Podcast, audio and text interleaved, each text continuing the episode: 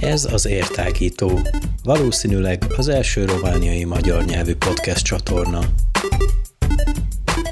Acéldórát üdvözlöm itt a mai értágító részben, itt Lenkár Péter ennél a mikrofonnál, de itt van Kis Lóránt kollégám is. Szerbusztok! Acéldóra a Grund Egyesület vezetőjének titulusában lett ma meghívva. Szervusz, Dóra!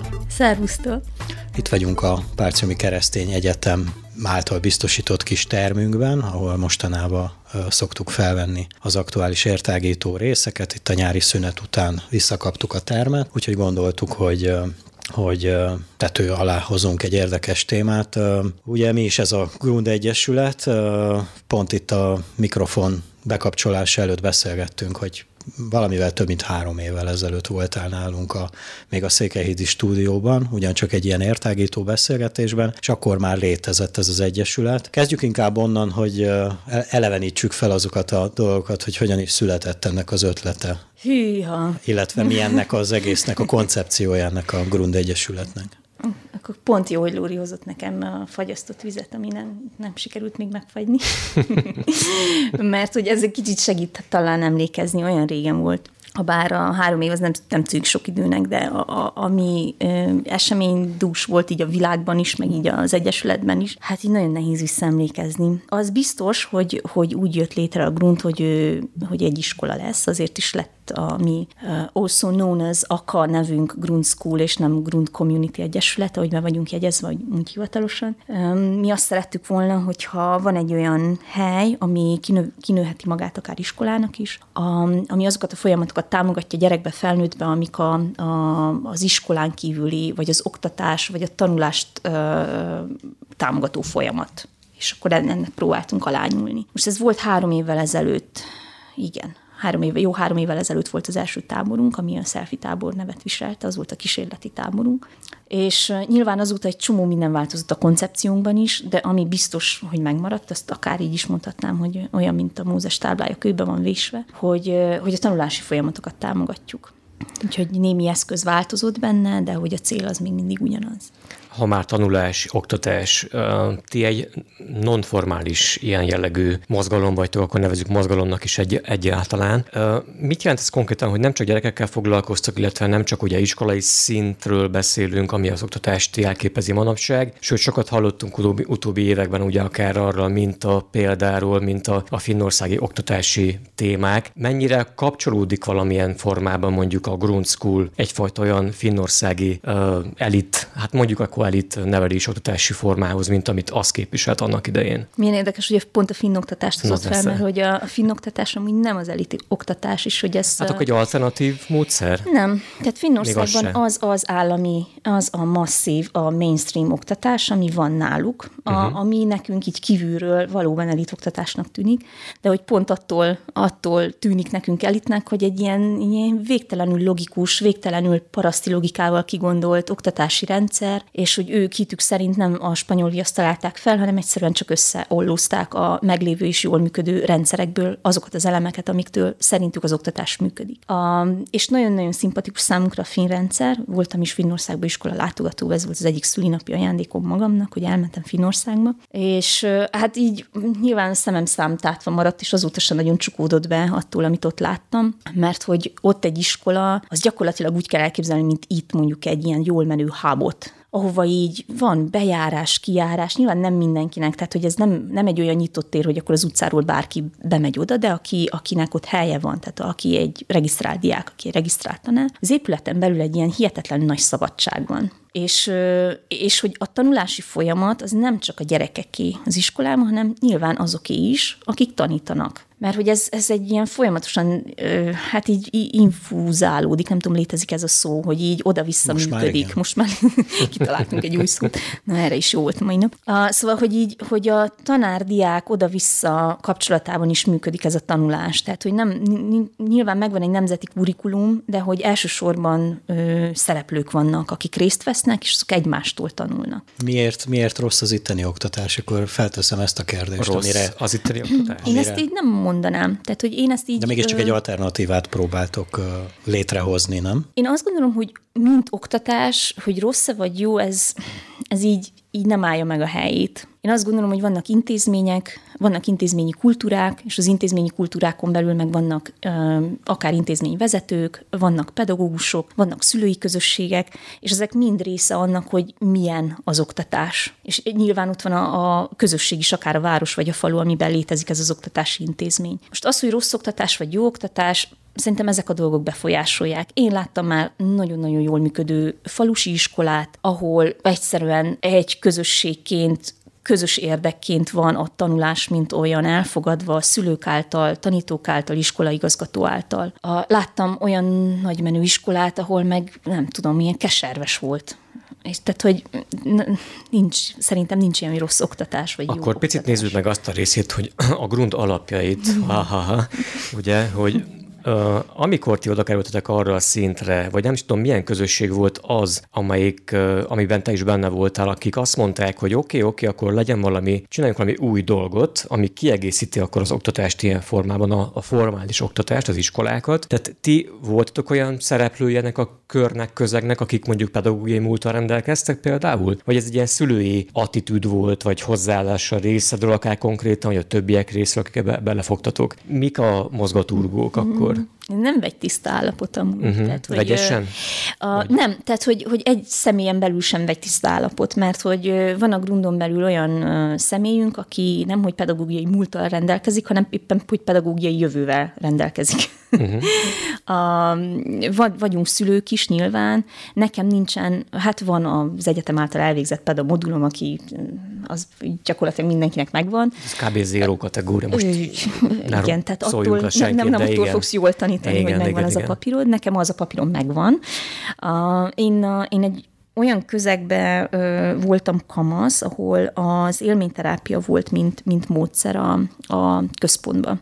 Főleg az élményterápiát, ezt főleg beteg gyerekeknél, meg beteg kamaszoknál ö, alkalmazták, és ö, számomra azért az nagyon izgalmas volt, hogy hogy lehet az élményterápiát úgymond egészséges gyerekeknek is átadni, mert tudjuk, hogy működik, tehát hogy ezt már tudtuk akkor is, amikor működtettük azt a rendszert, hogy, hogy ez működik, de hogy, hogy mi az a közeg, ahova ezt be tudjuk vinni az élményterápiát, és akkor az élménypedagógia az egy ilyen nagyon közeli uh, dolog az élményterápiához, és az viszont elérhető a, az iskolások számára is, az egy olyan fogalom, amit már így többet hallottak mondjuk a, az iskolák, szülők, és akkor mi megpróbálunk az élménypedagógiával kezdeni valamit. Úgyhogy ez a módszerünk. Számunkra igazából az a nagyon fontos, hogy a, a szociális kompetenciákat fejlesszük a gyerekekben. Ebben akkor hasonlít a finn iskolához, ugye? Mert, vagy nem csak ebben, mert hogy a gyakorlati részére nagyon nagy hangsúlyt fektet akkor mind a két módszer ezek szerint. A, figyelj, én Finországban egyszer voltam, én egy, meg soha, egy napot. De, de egy okoskodom, hogy igen.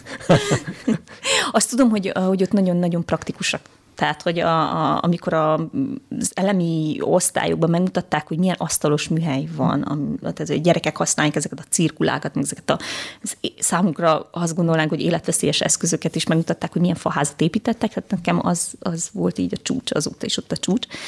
Nyilván mi is bevisszük ezeket a praktikus dolgokat, hogy igenis a gyerek tanuljon meg varni, tanuljon meg szeget ütni egy fába, én sem nagyon tudok, de hát a gyerek azt tanulja meg, tanuljon meg főzni, vagy egyáltalán kezdeni valamit azzal, hogy, hogy éhes, és ott a kaja mellette, és akkor az úgy valahogy jusson be az éhes pocakba. hogy minél inkább így függetlenek legyenek. Tehát ilyen szempontból igen hasonlít a, a hasonlítunk a finn iskolá, jó, milyen jó, hogy egy lapon emlegettek vele, ez jól esik. Oh. Amit viszont észrevettünk, és ez, ez hát azt is mondhatnánk, hogy a rendszer hibája az oktatási rendszerünk hibája, az az, hogy nem nagyon tud mit kezdeni a szociális kompetenciákkal, mert hogy annyira sűrű a tananyag, a, amiket le kell adni, vagy ami elvileg a gyerek fejébe be kell menjen, és szándékosan mondtam fejet, hogy gyakorlatilag nagyon esetleges, hogy melyik tanítónéni, melyik tanár az, aki a szívébe is be tud tölteni dolgokat, illetve mennyire tud közösséget formálni. A, mi viszont ezzel szeretünk foglalkozni hogy, hogy konkrétan ezek a kérdések mentén, hogy hogyan jut el egy, mondjuk egy gyerek, aki, aki megérkezik egy táborunknak az első napján, és szétpotyol mindenki, tehát hogyha egy bot kerül a kezébe, akkor ott biztos, hogy, hogy véres lesz. hogy jutunk el odáig mondjuk a tábor második, harmadik, negyedik, ötödik napján, hogy Hogy pillangok lesznek a botra vésve, vagy valami Akár, faragva. Igen, Na. vagy hogy abból a botból konkrétan egy kis bunker lesz. Mert hogy volt ilyen, tehát hogy, okay. hogy igen, tehát hogy ez, ez most így konkrét példát mondok, hogy, hogy volt ilyen, hogy az a fegyverből ház alapanyag lett, vagy uh-huh. hát mhm. bunker alapanyag, ezt háznak még nem lehet hívni, de bunkernek már igen. És ez hogy van, hogy az élménypedagógiát nem csak gyerekeknek, hanem felnőtteknek is ajánljátok, vagy tartjátok? Mesélj erről. Az élménypedagógia Hát, hogyha most így nem rádió podcastbe beszélnénk, hanem így, nem tudom, lenne egy szép projektor hátam mögött, akkor hoznék egy rajzot nektek, de akkor erről a rajzról megpróbálok úgy mesélni, hogy így nagyon el lehessen képzelni, hogy, hogy mit jelent. De gyakorlatilag az élménypedagógia és az élmény, én szeretem a kettőt vegyíteni, az élménypedagógiát meg az élményterápiát, de ugye az a nagyon fontos első lépés, hogy egy kihívás elé állítsd azt a valakit, aki éppen benne van a folyamatban. És ez a kihívás természetesen egy gyereknek más kihívás, egy felnőttnek is más kihívás, de a kihívás az attól kihívás, hogy az az egy ember, az az egy személy valamit meg kell ugorjon, valamit meg kell csináljon, teljesítenie kell, és ez a kihívás amúgy egy teljesíthető kihívás, tehát hogy nem a pánikzónában létező teljesíthetetlen dolog, hanem egy olyan dolog, amit csak egy kicsi erőfeszítéssel, de meg tud csinálni. És ez a meg tud csinálni, ez még önmagában nem lesz élménypedagógia sem, meg élményterápia sem, hanem ott kezd az lenni, hogy elkezdjük ezt verbalizálni, elkezdjük visszajelezni, visszajelezni a sikereket, hogy figyelj, észrevetted, hogy nem tudom, fejbe meg tudtál oldani egy matek feladatot, amit lehet, hogy más ilyenkorban nem tudna megcsinálni. Uh, hogy nagyon fontos a verbalizáció, hogy nagyon fontos, hogy ez, ez vissza legyen jelezve, uh, ki legyen bárhogyan fejezve, akár képleg, akár a szó a legkönnyebb azért mondom, hogy a verbalizálás az az egyik legkönnyebb folyamat. A, ezután pedig ez még mindig nem teljes élménypedagógiai kör, mert hogy ezután jön az, hogy, hogy újra tervezés, és hogy elkezdjük az egész ciklust elejétől venni. Mert hogy gyakorlatilag ez már egy tanulási folyamat, amit be tud építeni egy következő szintre. Tehát a kihívás az gyakorlatilag a következő körben egy, egy kicsit nagyobb szinten lesz a kihívás. Tehát ettől élménypedagógia az élménypedagógia, vagy élményterápia az élményterápia, hogy ez egy spirálisan növekvő dolog. Úgyhogy igazából ez se korosztályfüggő, se nem függő, se vallásfüggő, semmi nem függő embereknek van kitalálva, mert emberek által van kitalálva. Mi akkor a felépítése magának a Grund School-nak? Tehát ez hogyan képzelje el a hallgató, hogy valaki elmegy hozzátok, vagy benevez egy táborba a gyerekeit, gyerekét, vagy akár saját magát akkor felnőttként. Mik azok a lépések, amelyek akkor így ilyenkor működnek. Tehát hogy mesélj nekünk egy picit erről. Na igen, tehát hogyha nagyon konkrétokról uh-huh. akarunk beszélni, akkor úgy képzeljük el ezt, hogy hogyan lehet bejutni hozzánk, hogy meghirdetünk egy tábort. Általában tábort. Van, amikor műhely, de vegyük a tábort, az a, az a kedvencünk. Meghirdettünk egy tábort, és onnantól kezdve lehet jelentkezni gyerekeknek. Nem a gyerek jelentkezik, hanem a szülő jelentkezik. Nagyjából, amikor meghirdettünk egy tábort, akkor már így nagy kép ben azért összeáll, hogy mégis ki lesz a szervező csapat, mert nem hirdetünk úgy meg valamit, hogy nem tudjuk, hogy, hogy ki csinálja és mit csinál. Viszont innentől kezdve még azért van egy, egy szabadság, hogyha valaki nagyon szeretne önkéntesnek jelentkezni, vagy bármilyen ö, program tartani, akkor azt megteheti nálunk. Tehát, hogy a felnőttek esetében mi az élménypedagógiát, azt valahogy így fogjuk fel, hogy, hogy lehet jönni dolgozni. Az a kihívás. Uh-huh. Amúgy tényleg az. És akkor megérkeznek a gyerekek. Tehát, hogy van nyilván egy ilyen elég, elég komplex szervezési folyamat a háttérbe, de hogy megérkeznek a gyerekek, és, és hát itt csinálunk dolgokat. Szóval csinálunk dolgokat, az mindig attól függ, hogy, hogy milyen szakembereket, vagy milyen programtartókat találunk, de általában a természeti oktatás, vagy a természet a tudatossági nevelés az mindig ott van a programjainkban. Egy nagyon fontos eleme, tehát a Grunnak ez egy horizontális értéke, hogy a, hogy a környezet tudatosságot azt így minél korábban és minél több dimenzióból csepegtessük a gyerekekbe, és a felnőttekbe is, a gyerekekbe sokkal könnyebb, mint felnőttekbe. És akkor mindig van valami, ami, ami nagyon kétkezi, nagyon, nagyon arról szól, hogy csináljunk valamit. Ez szokott lenni varrás, vagy agyagozás, vagy agyagásás, vagy manófalu építése hulladékfából, vagy akár animáció, a főzés, a főzés az egy külön kategória, mert most így kikísérleteztünk egy nagy kommandó nevezetű projektet, ahol nagymamák jönnek, és a, tudjátok, a nagymamáknak a titkos fegyverő az a fakanál meg a kötény, és ők azzal képesek az, Marázsolni. Hát igen, a teljesen motiválatlan gyerekeket is odarakni a kondér mellé, és nem tudom, répát pucoltatni velük. De ugye a főzés is, mint olyan, az nekünk nagyon fontos, nekem nagyon fontos, hogy, hogy a gyerek tanulja meg, hogy, hogy az étel az hogy lesz hogy kerül az asztalra, és csak úgy fogja tudni megtanulni, hogyha, hogyha neki is meg kell pucolni azt a répát, oda kell rakni, tudja, hogy mennyit kell följön, vagy egyáltalán. Szokott lenni mindig evezés, meg ijászkodás, kézműves foglalkozások, de a kézműves foglalkozásokat is nagyon igyekszünk nem lányossá, vagy nem nagyon fiúsá tenni, hanem minden, tehát hogy igyekszünk nem telenek lenni ebből a szempontból, hogy, hogy mindenki be tudjon csatlakozni. Tehát, hogy nem gáz, hogyha kalapálni el akar menni egy lány, és az sem gáz, hogyha hajfonatot akar csinálni egy fiú. És akkor aztán így, hát általában ilyen nappali táborokba gondolkodunk, ezt ilyen nagyon praktikus, praktikus okokból egyszerűen nem tudjuk ott altatni a gyerekeket. A, nyilván az lenne, vagy az az álmom, hogy majd egy ott alvós táborokat a, a, szervezzünk, mert hogy akkor az élménypedagógia is és az élményterápia is sokkal jobban el tud mélyülni. De hogy most egyelőre reggel, reggeltől késő délutánig vagyunk egy táborban akkor én, bocsánat, hogyha jól értem, akkor igazából nincs egy állandó olyan, hát mondjuk úgy, hogy akkor oktatói gárdátok, aki foglalkozik a dolgokkal, hanem mondjuk ez időről idő változik az összetétel, tehát hogy éppen milyen foglalkozást találtok ki a következő táborra, akkor olyan ember kerestek majd hozzá, aki ezt tudja oktatni, megmutatni a gyerekeknek, hasonló? Tehát nagyon változó ez is. És igazából nem tudom, hogy mi változtatja. A, uh-huh. Azt is mondhatjuk, hogy a kényünk, kedvünk, vagy hogy éppen mi pattan ki a fejünkből. Volt már mindegyikre példa. Tehát volt arra is példa, hogy meg volt az, hogy kijön, és akkor ahhoz mérten építettük fel a tábor programját. Volt olyan is, és inkább ez amúgy a, a relevánsabb, hogy mi kitalálunk egy témát, ami elég tág ahhoz, hogy így gyakorlatilag a programtartók tudjanak ebben így mozogni, és akkor a köré építi, mit tudom, furcsa tábor, vagy digital detox, tehát hogy, hogy olyasmik, amiben egy, egy, nem tudom, egy hajfonat is bele tud férni, vagy az újságírás program is bele tud férni. Adhokok vagyunk ilyen szempontból, de én pont ezt az adhokságot, vagy pont ezt a spontaneitást így nagyon szeretem, mert a, gyakorlatilag van egy ilyen bennem, azt lehet akár hitnek is nevezni, vagy nem tudom, igen, hitnek, vagy, vagy sorstudatnak, hogy az van ott, akinek ott kell lenni, és abból főzünk, nem, de abból főzünk, amink van. Úgyhogy, úgyhogy mondom, ez így eléggé. Beszélgessünk arról, hogy hol zajlanak ezek a tevékenységek, mert hogy ugye mondtad, hogy három éve indult el úgy nagyjából ez az egész, de hogy gondolom titeket is megakadályozott a 2020 márciusban történtek és akkor onnan azért sikerült kialakítani, vagy volt időtök kialakítani egy közösségi kertet, ha jól tudom, így hívják, így, vagy így hívjátok. Így hívjuk, igen, ráadásul Péter bácsi közösségi kertje. Ez a Nem akartam én mondani. Nem akarta te Péter mondani, hogy Péter bácsi közösségi kert. Nem, a... de amúgy áruljuk el nekem semmi közöm. Most nem tiszta, hogy arra akarsz választ kapni, hogy a helyszínek mik, vagy hogy a közösségi kert micsoda. Hát, hát is, is, is, is, is, Jó, akkor kezdem így a nagy jó. tevékenységek hol, hol zajlanak, és mesélj erről és a... mi az? Péter megnyitott el egy csomó témát, tehát hogy... E, ebben vagyok a legjobb. Hogy témanyitogatásban? Uh-huh. Na, akkor én meg lezárom, jó? Kérlek.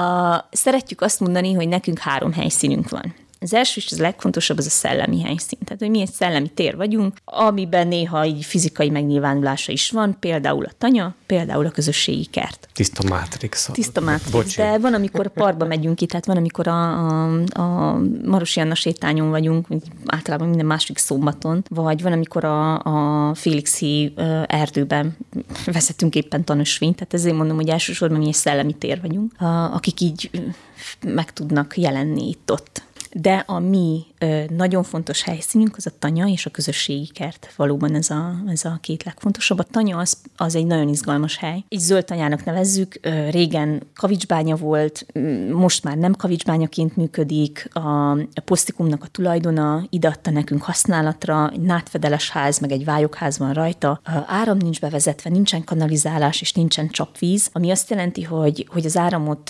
napelemből kapjuk, a víz az pedig, hát van egy saját kút, és ebből a saját kútból néha megtelik egy nagy tartály, amiből tudjuk használni a vizet. De hogy, hogy azért szeretem ezt így nagyon, mert hogy nagyon kell vigyázzunk a, a, az erőforrásainkra. Tehát tényleg nem úgy van, hogy felkapcsolom a villanyt, és akkor ha elfelejtem, akkor ez van, hanem így meg kell tanulni, hogy ezeket hogyan, hogyan bánunk velük szépen.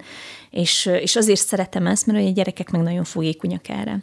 És ott a személygyűjtésnek meg külön um, nem azt mondom, hogy szektája vagy temploma van, de hogy külön, külön művészete van meg, hogy, hogy van értelme, tehát van egy logikája, amit ott a gyerek ott helyben meg tud tapasztalni. Tehát, hogy nem annyira, nem annyira általános, hogy nem annyira kézzelfoghatatlan, mint hogy otthon bedobja a kék, zöld barna, fekete kukába, hanem ott tényleg ki kell találni, hogy jaj, ez papír, hát akkor ezt el tudjuk égetni, sőt, meg tudjuk gyújtani a kis kájhánkba a tüzet vele, úgyhogy akkor azt azért kell külön gyűjteni. A műanyagot, mivel nem szabad égetni, ezért tényleg külön kell gyűjteni, de az lenne a legjobb, hogyha nem is használnánk. Az ételmaradékot pedig odaadjuk az állatoknak, vagy ha nyers ételmaradék, akkor meg elvisszük a komposztra. A, és nyilván van nekünk a fém, az üveg, meg a műanyag, amivel nagyon nem tudunk mit kezdeni, de hogy, hogy tudják, hogy miért nem szabad ilyen sokat használni, mert hogy konkrétan látszik ott, hogy mennyi gyűl egy hét alatt. Szóval ez a tanya, ahol még egy tunk is, ta, tavunk is van, mert tunk az így nem egy magyar szó. Te magyar szó, csak rosszul van ragozva. Értem. Tehát van egy tunk. A közösségi kert az pedig 2020-ban uh, nyílt meg, annak egy külön története van, amit én nagyon-nagyon szeretek. Nagyon-nagyon szerettem volna régóta a külföld, én azelőtt csak külföldön találkoztam olyasmivel, hogy közösségi kert. Többek között Finnországban is láttam egyet, ahol épp a gyerekek a, nem tudom, zuhogó esőbe, beöltözve gumicsizmába, ilyen eső mindenbe, a kinti főzést szerveztek a, a magas ágyásokból kiszedett krumplival egy hmm. tanár, tíz gyerek, és ott a, az esőben, és itt ott néztem én, hogy ez wow, hogy ez milyen vagány. A, de nyilván nem csak Finnországban láttam, láttam több helyen is. A, ott nagy részt az urban gardening, tehát ez a városi kertészet a dívik, és Váradot akármennyire szeretnénk nagyvárosnak tekinteni, legyünk őszinték, nevével nagyváros, ellentétben. Nem nagyváros, tehát itt az, hogy urban gardening, ez azért egy kicsit így meredek, de mindenképp szerettem volna egy közösségi kertet, de nem találtunk helyszínt, és ráadásul a város, városnak van egy ilyen belső szabályozása, hogy, hogy köztéren zöldséget, tehát hogy fogyasztható növényeket nem szabad termeszteni, tehát hogy fűszer növények is így a, a hát határon éppen a határon mozognak. Fű alatt. Van, fű alatt. úgyhogy, úgyhogy nagyon-nagyon sokáig kerestük, de hogy így nem, nem nagyon intenzíven, tehát hogy így nem indultunk, nem indultunk el házalni, de hogy így ott volt. És akkor egyszer csak jött egy, egy Facebookos hirdetés, hogy akkor van egy család Nagyváradon, ahol meghalt a család fenntartó, akit úgy hívnak, hogy Péter, Péter bácsi, a, és hogy a, a hátramaradt feleségének a nyakába szakadt a, a kert, és hogy keresnek családot vagy, vagy bárkit, aki segít a kert gondozásba. Most mi elmentünk felkeresni, akkor a férjemnek még a hátsó zsebében is mindig ott volt a metszóló, mert akkor az volt a, a trendi nála, hogy akkor minden fát meg kell metszeni, és konkrétan, tehát mindig ott volt nála a metszóló, és akkor elmentünk a kertbe, hogy megnézzük, hogy hány fa van, és hogy ő azt meg akarja metszeni. Amikor találkoztunk egy közel két hektáros kerttel, ahol akkor azért így, úgy... ott, akkor így egy kicsit megszívtuk a fogunkat, és így összenéztünk. Kellett volna még egy metszóló. Hát legalább. Vagy egy hát csapat gyerek. Na és akkor, hát, de nem akartuk így elengedni, hogy akkor azt mondjuk, hogy hát ezt sajnáljuk, de nem, mert közben meg egy ilyen tényleg olyan, mint amikor így bemész egy, egy helyre, egy kertbe, és mint hogyha így, nem tudom, felrepülnek a madarak, meg a lepkék, meg így még szép hangja is van, meg a nap odasüt be, ahol neked a lelkedet így megcsilingeli. Tehát, hogy ez így tényleg egy gyönyörű hely, ez ilyen, nem tudom, paradicsom közeli kert, és akkor így mondtuk a néninek, hogy, hogy Katica, ezt tudnod kell, hogy mi, mint család, ezt nem fogjuk, de mi hobbikertészek vagyunk, ha hetente egyszer kimegyünk a kertbe, az nagyon jó, de attól a kertnek a dolga nem lesz előré. A, viszont, hogyha szeretnéd, akkor nagyon szívesen vállalja az Egyesület, a Grunt, hogy, hogy egy közösségi kertet csinál belőle. Na, szerintetek mi volt a reakciója? Hát így bólogatott okosan, és így kiderült rá két-három napra, hogy, hogy fogalma nincs, hogy mi az, hogy közösségi kert egyáltalán, mert hogy ez a, ez a fogalom most na, egy generációval fölöttünk levő embereknek a kommunizmust juttatja eszébe, hát, és semmi igen, jót vele. Kollektíva. Na, de szerencsére Katicának van három velünk egy idős fia, és akkor megnyitottuk ezt a beszélgetést velük, és, és ők már tudták, hogy mi az, hogy közösségi kert, és azt mondták, hogy, hogy hát menjünk előre, mert hogy ó, gyakorlatilag nekik is az volt az álmuk, de mivel nincsenek itthon, ezért nem nagyon tudtak ebben semmilyen szinten energiát fektetni, és azért szeretem még a közösségi kertet külön, mert hogy a család nincs kizárva belőle, tehát nem a grund vette át a közösségi kertet, és akkor nem csak csak a Grund foglalkozik vele, hanem gyakorlatilag egy ilyen nagyon szép partnerség alakult ki, ahol a családnak ugyanúgy bejárása van, ugyanúgy része van benne, a Grund egyszerűen csak bevitt valamit, ami, ami még emberszámba is mérhető, meg programszámba is mérhető. Azt elárulhatjuk, hogy hol található a kert? Vagy, Persze, vagy a Szófiai utcán Na. található, de úgyis be van zárva, tehát hogy ja, jó. nem olyan könnyű oda bemenni. Hát amúgy is valaki be akar ugrani, mondjuk kertészkedni véletlenül. Ha valaki be akar ugrani kertészkedni, akkor nagyon jó lenne, hogyha írna ránk egy e-mailt. Például. Például a grundschool.com oldalon megtalálható elérhetőségeken, vagy a Facebookon, hogyha ránk ír, akár a Péter bácsi közösségi kertet keresse meg, akár a Grundschool-t, és hát nagyon szívesen fogadunk minden új érdeklődőt. Mert hogy a COVID, és a COVID-nál még megnyitott el egy témát, és ezt muszáj reflektáljak, mert most már így nagy mellényem van, mert lejárt a COVID nagyjából. Örülök, hogy a... nem felejtetted el. Mert úgy mondtad, hogy, a, hogy, hogy amikor kitört a Covid, akkor nekünk közösségi kertet kellett nyitni. Hát nem az volt a legnagyobb bajunk. A legnagyobb bajunk az az volt, hogy nekünk volt egy majdnem hát egy ilyen 90%-ra megszervezett full kontakt táborunk. Akkor nyárra? 2020? Akkor tavaszra. Tavaszra? Tavaszra. Tehát, hogy mhm. akkor, amikor ráadásul karantén, meg full online karantén. iskola, tehát full karantén, tehát mezőgazdasági tevékenységre járhattál ki a, hát akkor az, De az akkor a nem kert, jött össze. A kert az nagyon jó volt, de hogy nem lehetett semmit szervezni, és akkor na jó, mit csináljunk? És két hetünk volt arra, hogy egy full kontaktban megszervezett tábort átvigyünk az online térbe, és, és átvittük, és most veregetem a vállam. Ezért mondom, hogy most már nagy a mellényem, akkor ott azért nem volt éppen olyan nagy, de most már nagyon jól esik, hogy mi azt a lépést ott megtettük és meghoztuk, és szerintem lehet, hogy nagy képen hangzik, és lehet, hogy nem igaz, de hagyjátok, hogy higgyek ebbe, hogy szerintem mi voltunk Románia első online tábora. Négy napig úgy tudtuk foglalkoztatni a kisiskolás gyerekeket, napi négy órán keresztül, hogy ne zombuljanak be a gép elé, hogy konkrétan foglalkozva legyenek velük, és hogy a szülőnek ne kelljen ott lenni, és folyamatosan babrálni a gépen, hogy nem tudom, kibe csatlakozzon, meg előkészítsen dolgokat. Szóval, hogy arra nagyon-nagyon büszke vagyok, ez volt az első online táborunk.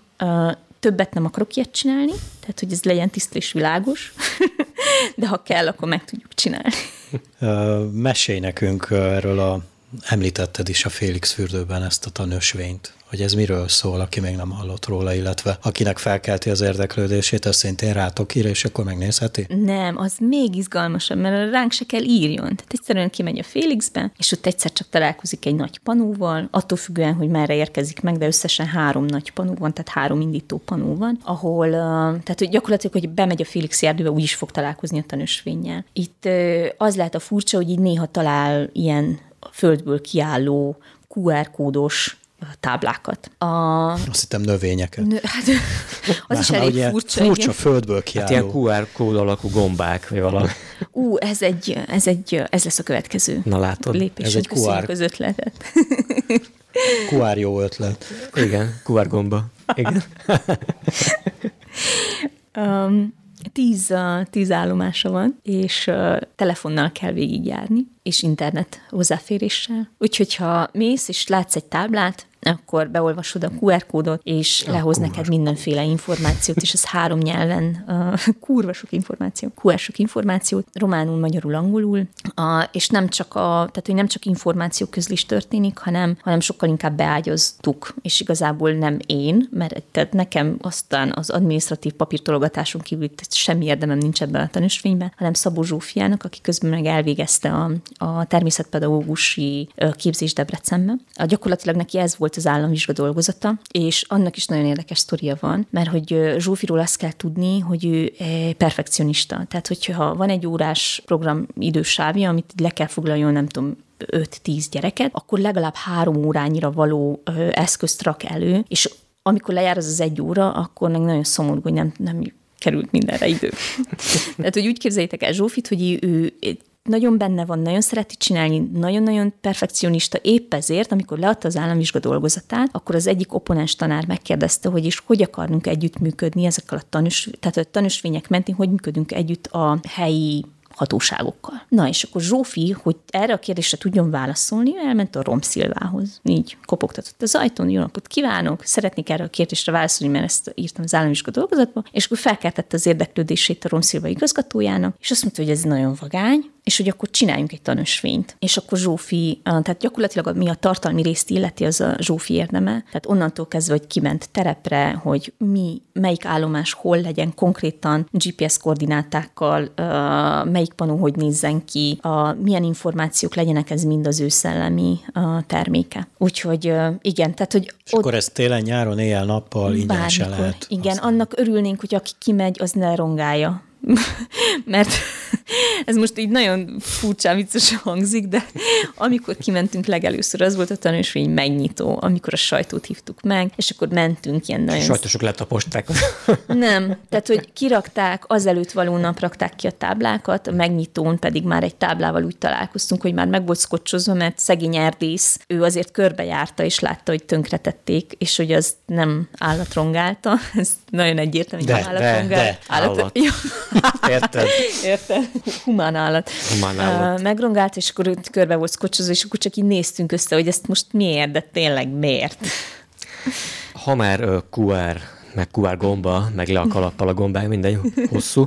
Itt rátértünk arra a részére szerintem a beszélgetésnek, amikor is rá kell arra térni, hogy ugye már említettük a pandémiát, meg az online teret. Nagyon nagy részben foglalkoztok azzal is, hogy hogyan lehet mondjuk az online-okkal, meg onlegényekkel foglalkozni, vagy hogy mit jelent ez egyáltalán, és hogyan lehet a gyerekeket erre rávezetni, vagy bevezetni, vagy biztonságosan bevezetni az online térbe? Hogyan működhetnek ők ott? A minap olvastam, de nem tudom kitől, de nagyon-nagyon tetszik a, az eszköz használat, mint, mint olyan. Hogy, és itt most nem csak a digitális eszközökre, hanem egyáltalán bármilyen eszköz, hogy, hogy a pedagógiának az kéne legyen a kihívása, vagy az kéne legyen a feladata, hogy nem eszközöket vásárol, és eszközöket tolunk mindenkinek a feneke alá, hanem hogy azt a kevés eszközt, amink van, azt tanuljuk meg minél szélesebb körben használni, vagy mi, hogy mondják ezt, tehát hogy minél igen, többre igen, használni igen. egy eszközt, minél több mindenre. És kicsit mi is így vagyunk ezzel, tehát így nagyon mélyeket bólogattam, amíg olvastam ezt a bejegyzést, a, mert hogy, hogy nekünk is ez a filozófiánk, hogy gyakorlatilag az eszköz az egy adott valami,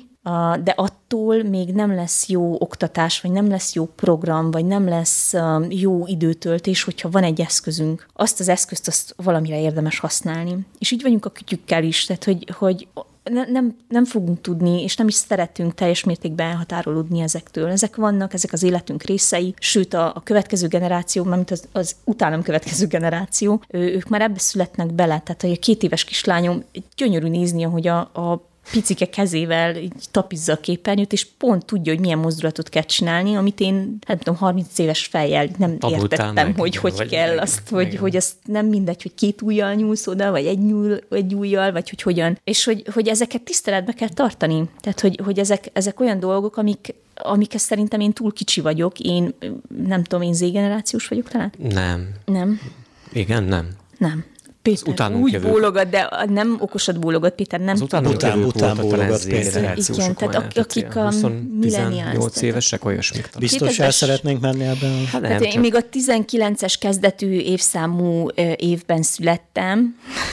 Értettük. Értettétek, jó? És nyilván nekem másfajta kihívás, mint azoknak a gyerekeknek, akik beleszületnek ebbe. A, egy csomó mindent én nem tudok, egy csomó mindent ők tudnak zsigerből, vagy azért, mert sokkal hamarabb tanulnak, sokkal hamarabb eligazodnak, sokkal, nem tudom, szerintem nekik van ez a rendszer kitalálva, mivel ők találják ki maguknak, a, hogy ezt, ezt sokkal nagyobb tiszteletbe kellene tartani, és nyilván nem azt jelenti, hogy akkor most a gyereké a, a, a lead, tehát hogy, hogy ő csináljon mindent, de azt gondolom, hogy ez egy olyan terep, ahol a kölcsönös tanulás az, az még inkább kihangsúlyozódik. Most, hogy nagyon konkrétumokról beszéljünk, jó, a Digital Detox táborban ott nem használtunk, mert ott az arra volt kiélezve, hogy az a nagyon sok online jelenlét után egy kicsit legyünk offline az is nagyon sikerült amúgy, de hogy amúgy meg szeretünk animációkat készíteni, a fotót készíteni, vagy újságírást úgy készíteni, hogy, a, hogy konkrétan a gyerekek szerkeszik meg a, akár a készanyagot, vagy a közel készanyagot, mert, mert ezt meg kell tanulni. Nekem az eszembe, eszembe egyébként erről, amit most mesélsz, mondasz, hogy igazából olyan közelbe születnek be a gyerekek mostanában, ami ilyen hiperaktív közeg eleve. Tehát, hogy annyira gyors minden, meg most kapsz mindent egyből, megkapod, amit akarsz, lényegében információban, bármiben, hogy egyszerűen erről nehéz leállni. Tehát, a detoxot is mondod, az teljesen helytálló, függővé válnak, és mi is azzá váltunk valószínűleg utóbbi években. És a másik, aminek az ellentetje az, amit, tehát, amit mesélsz, hogy akkor ilyennel is foglalkoztok, az az, hogy a, a, a zöld karakter meg megvan benne, a, amit ti csináltok. Ez a slow life kategória, amit én érzékelek ebben legalábbis. Bár nem tapasztaltam, de akkor megvan ez az egyensúly ilyen mértékben? Van állatok lényegében? Mi igyekszünk ezt, uh, ezt szem előtt tartani. Most az, hogy igyekszünk, az nyilván nem azt jelenti, hogy mindig, mindig sikerül. Mert, mert az, hogy nem sikerül valami, az, az teljesen. Tehát nálunk ez természetes dolog. A gyereknek se kell sikerüljön minden, felnőttnek se kell sikerüljön minden elsőre, de valóban ez a szemlélet, ez, ezt mindig szem előtt tartjuk. Szemléletet szem előtt tartjuk. Hm. Uh-huh. Ez is minél Érthető.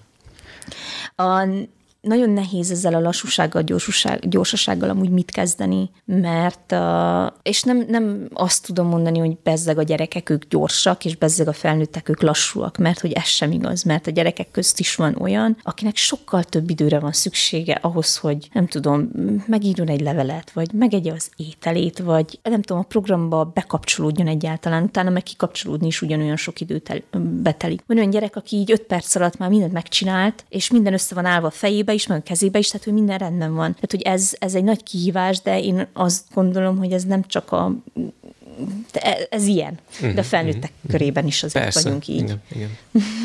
Ugye, ha jól emlékszem, februárban tört ki az orosz-ukrán háború, és ezzel kapcsolatban is sikerült hát idézőjelbe, meg kérdőjel a végén egy, egy megoldást találni az ide menekült gyerekeknek vagy családoknak, inkább így bővíteném ki, mir, miről szól ez a, vagy miről szólt ez a projekt, most ezt nem tudom pontosan, hogy ez még zajlik-e, illetve, illetve megint több kérdést teszek fel, mert hogy ez is valamilyen szinten egy tábor, nem? Vagy egy valamilyen uh-huh. projekt ez az ukrajnai gyerekek, illetve idén-nyáron több tábort is szerveztetek, vagy workshopokat is szerveztetek? Mesélj ezekről a uh, Tehát a háború, mint olyan, az uh, ez így no comment, tehát hogy kitört egy háború február 24-én tehát hogy ez Köszönöm. Ez elég fontos időpont. Nagyon nagy kérdés volt bennünk, mi egy alulról szerveződő kicsike szervezet vagyunk, gyakorlatilag a költségvetésünk az a tábori díjakból befolyt valami. Néha még kapunk egy-egy támogatást, de hogy igazából költségvetésünk az nincs, vagy így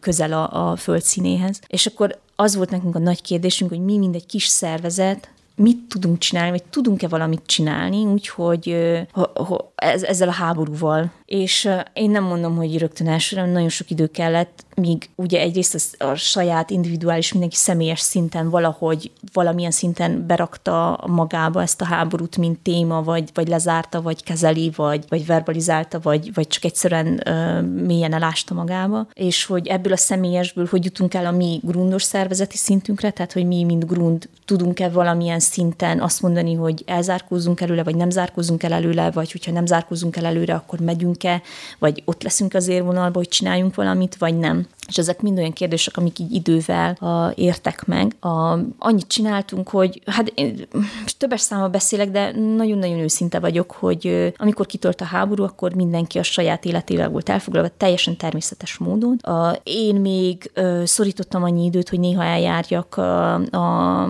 Nagyváradi Közösségért Alapítvány hívta össze a szervezeteket, azokat a szervezeteket, akik bármilyen szinten akarnak az ukrán menekült helyzettel valamit kezdeni, és ott voltunk ezen a beszélgetésen, hogy ott voltam ezeken a beszélgetéseken, és nem tudtam semmit ígérni. Tehát nem tudtam azt ígérni, hogy mi adományokat fogunk gyűjteni, vagy hogy elmegyünk Ukrajnába, vagy hogy, vagy hogy nem tudom, menekült, menekült központot önkéntesekkel ellátjuk. Tehát igazából semmit nem tudtam ígérni, mert láttam, hogy nincs erőforrásunk. Annyit tudtunk megígérni, hogy azt, amit a tavaly elkezdtünk, az Iskola a Parkban nevű programunkat, azt visszük tovább saját költségvetésből, amíg van. És ebből a programból, vagy nem csak ebből a programból, mert szerintem az együttműködésnek ez volt az eredménye, hogy május végén a Nagyvállalati Közösségért Alapítvány felkeresett minket, és a 47 Bihar megyei szervezetből, akik ott voltak ezeken az üléseken, gyakorlatilag hármat kerestek fel, akiknek oda szeretnék adni azt a támogatást, ami az Egyesült Egyesült Királyságbeli Oxfamtól érkezik, és hogy ez, ez ilyen mérhetetlenül megtisztelő felkérés volt,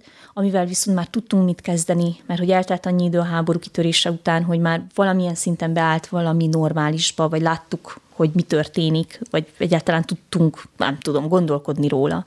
És akkor így alakult ki, hogy nekünk kellett benyújtani egy projekttervet, és a projektterve pedig ugyanazok a tevékenységek szerepeltek, amiket mi szeretünk adni a saját gyerekeinknek is. Konkrétan a varrás, konkrétan a természeti nevelés a Péter közösségi kertjében, és konkrétan táborok. És akkor elkezdtük nem tudom, elkezdtünk menni előre. Én elkezdtem a, a Duolingo-t kinyitni, és akkor újra felfrissíteni azt a nagyon-nagyon kevés orosz nyelvtudásomat, amit én 12. es koromban megszereztem. Semmire nem volt jó, csak arra, hogy így megnyugtassam magam, hogy el tudok olvasni még egy civil mondatot, nem tudom, hogy mit jelent, de el tudom olvasni. De hogy így el, elkezdtünk tudni menni előre, és azok az ukrán gyerekek, akik nem beszéltek angolul, azokkal nem tudom, elkezdtük megértetni magunkat valahogyan Hát kézzel lábban, nem tudom, valami gondolom összejött. Hát valami igen, tehát ott nem csak kézbe láb volt, hanem ott aztán tényleg minden. Képzeljétek el, hogy találtunk önkéntest, aki, aki a táborokba jött fordítani.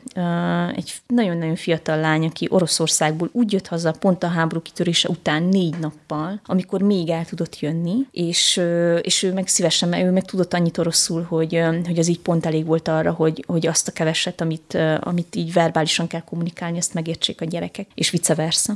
Úgyhogy, úgyhogy volt egy önkéntesünk is táborba, illetve műhelyeken meg, meg voltak olyan szülők, ukrán szülők, vagy ukrán, vagy hát nem ukrán önként, de ukrán önkéntesek is, akik a fordításba szívesen segítettek. Integráció volt amúgy a témája, tehát hogy az, az volt a nagyon fontos, hogy, hogy azt a, az ukrán közösséget, akinek el kellett menni otthonról. És most kérlek, ne menjünk bele a részletekbe, hogy kinek milyen anyagi háttere van, mert hogy ugyanolyan diverzek, mint mi vagyunk. Attól még el kellett hagyniuk az otthonukat, a biztonságukat, és egy totál új, mindenféle szinten új közegbe kell megtanuljanak élni, érvényesülni, és ez nem egy egyszerű folyamat.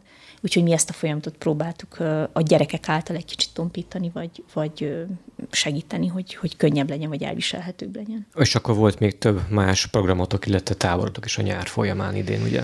Két táborunk uh-huh. volt, ami mármint a nyár folyamán volt két táborunk, uh-huh. um, és mind a kettő ukrán, ukrán integrációs tábor volt, ami azt jelenti, hogy ukrán gyerekek közösen a, a magyar gyerekeinkkel táboroztak. Mire vagytok kíváncsiak ebből?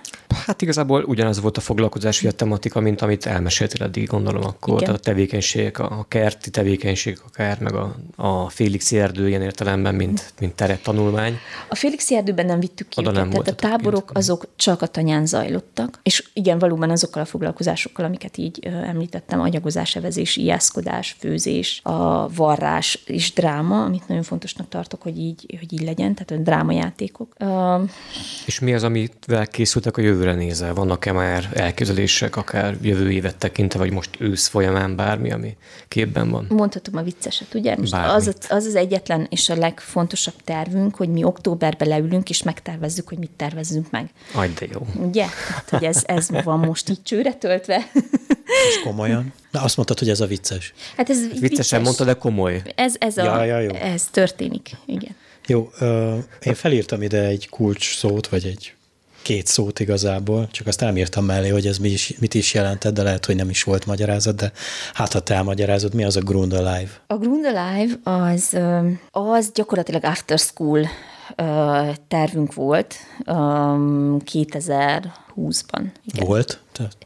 Igen, mert a helyszín a Tanya, és a Tanya az közel 10 kilométerre van Nagyváradtól, egy tömegközlekedés által nem megközelíthető helyen, biciklivel nem megközelíthető helyen. Mi egy hónapig toltuk, de e, a tolás az úgy, úgy képzeljétek el, mint egy ilyen, most férfiaknak mondom, mint egy kemény szülés, amikor így vajutsz, vajutsz, és valahogy így még a végét se látod a fenébe a dolgoknak. Tehát, hogy ez egy nagyon nyögvenyelős volt olyan szempontból, hogy gyerekeket kijutatni iskola után, amikor mindenki más időpontban végez. Kijutatni a tanyára, az úgy körülbelül másfél óra volt, amíg kiérkeztünk a tanyára, és aztán visszahozni őket így normális emberi időbe, úgy, hogy még a házit is megcsinálják a tanyán, és még legyen ebből természeti nevelés, ezt így el kellett engedjük egy idő után. Tehát így be kellett lássuk, hogy ez nem fog így működni. Úgyhogy ez volt a Grundalive, de nem csak After School volt a Grundalive, hanem, hanem egy projektünknek a neve is, a, amit a Kaufland által ö, támogatott Start ONG ö, tehát a Kauflandnak van egy CSR programja, ami Start ONG nevet viseli, ö, és mi megpályáztunk egy ilyen zöld After School-t, ö, akkor valóban kivittük a gyerekeket, de hogy abba a programba ö, sikerült egy szürke víztisztító tavat létrehozzunk a tanyán, ami ugye nagyon fontos, a, sikerült mikroszkópokat vegyünk,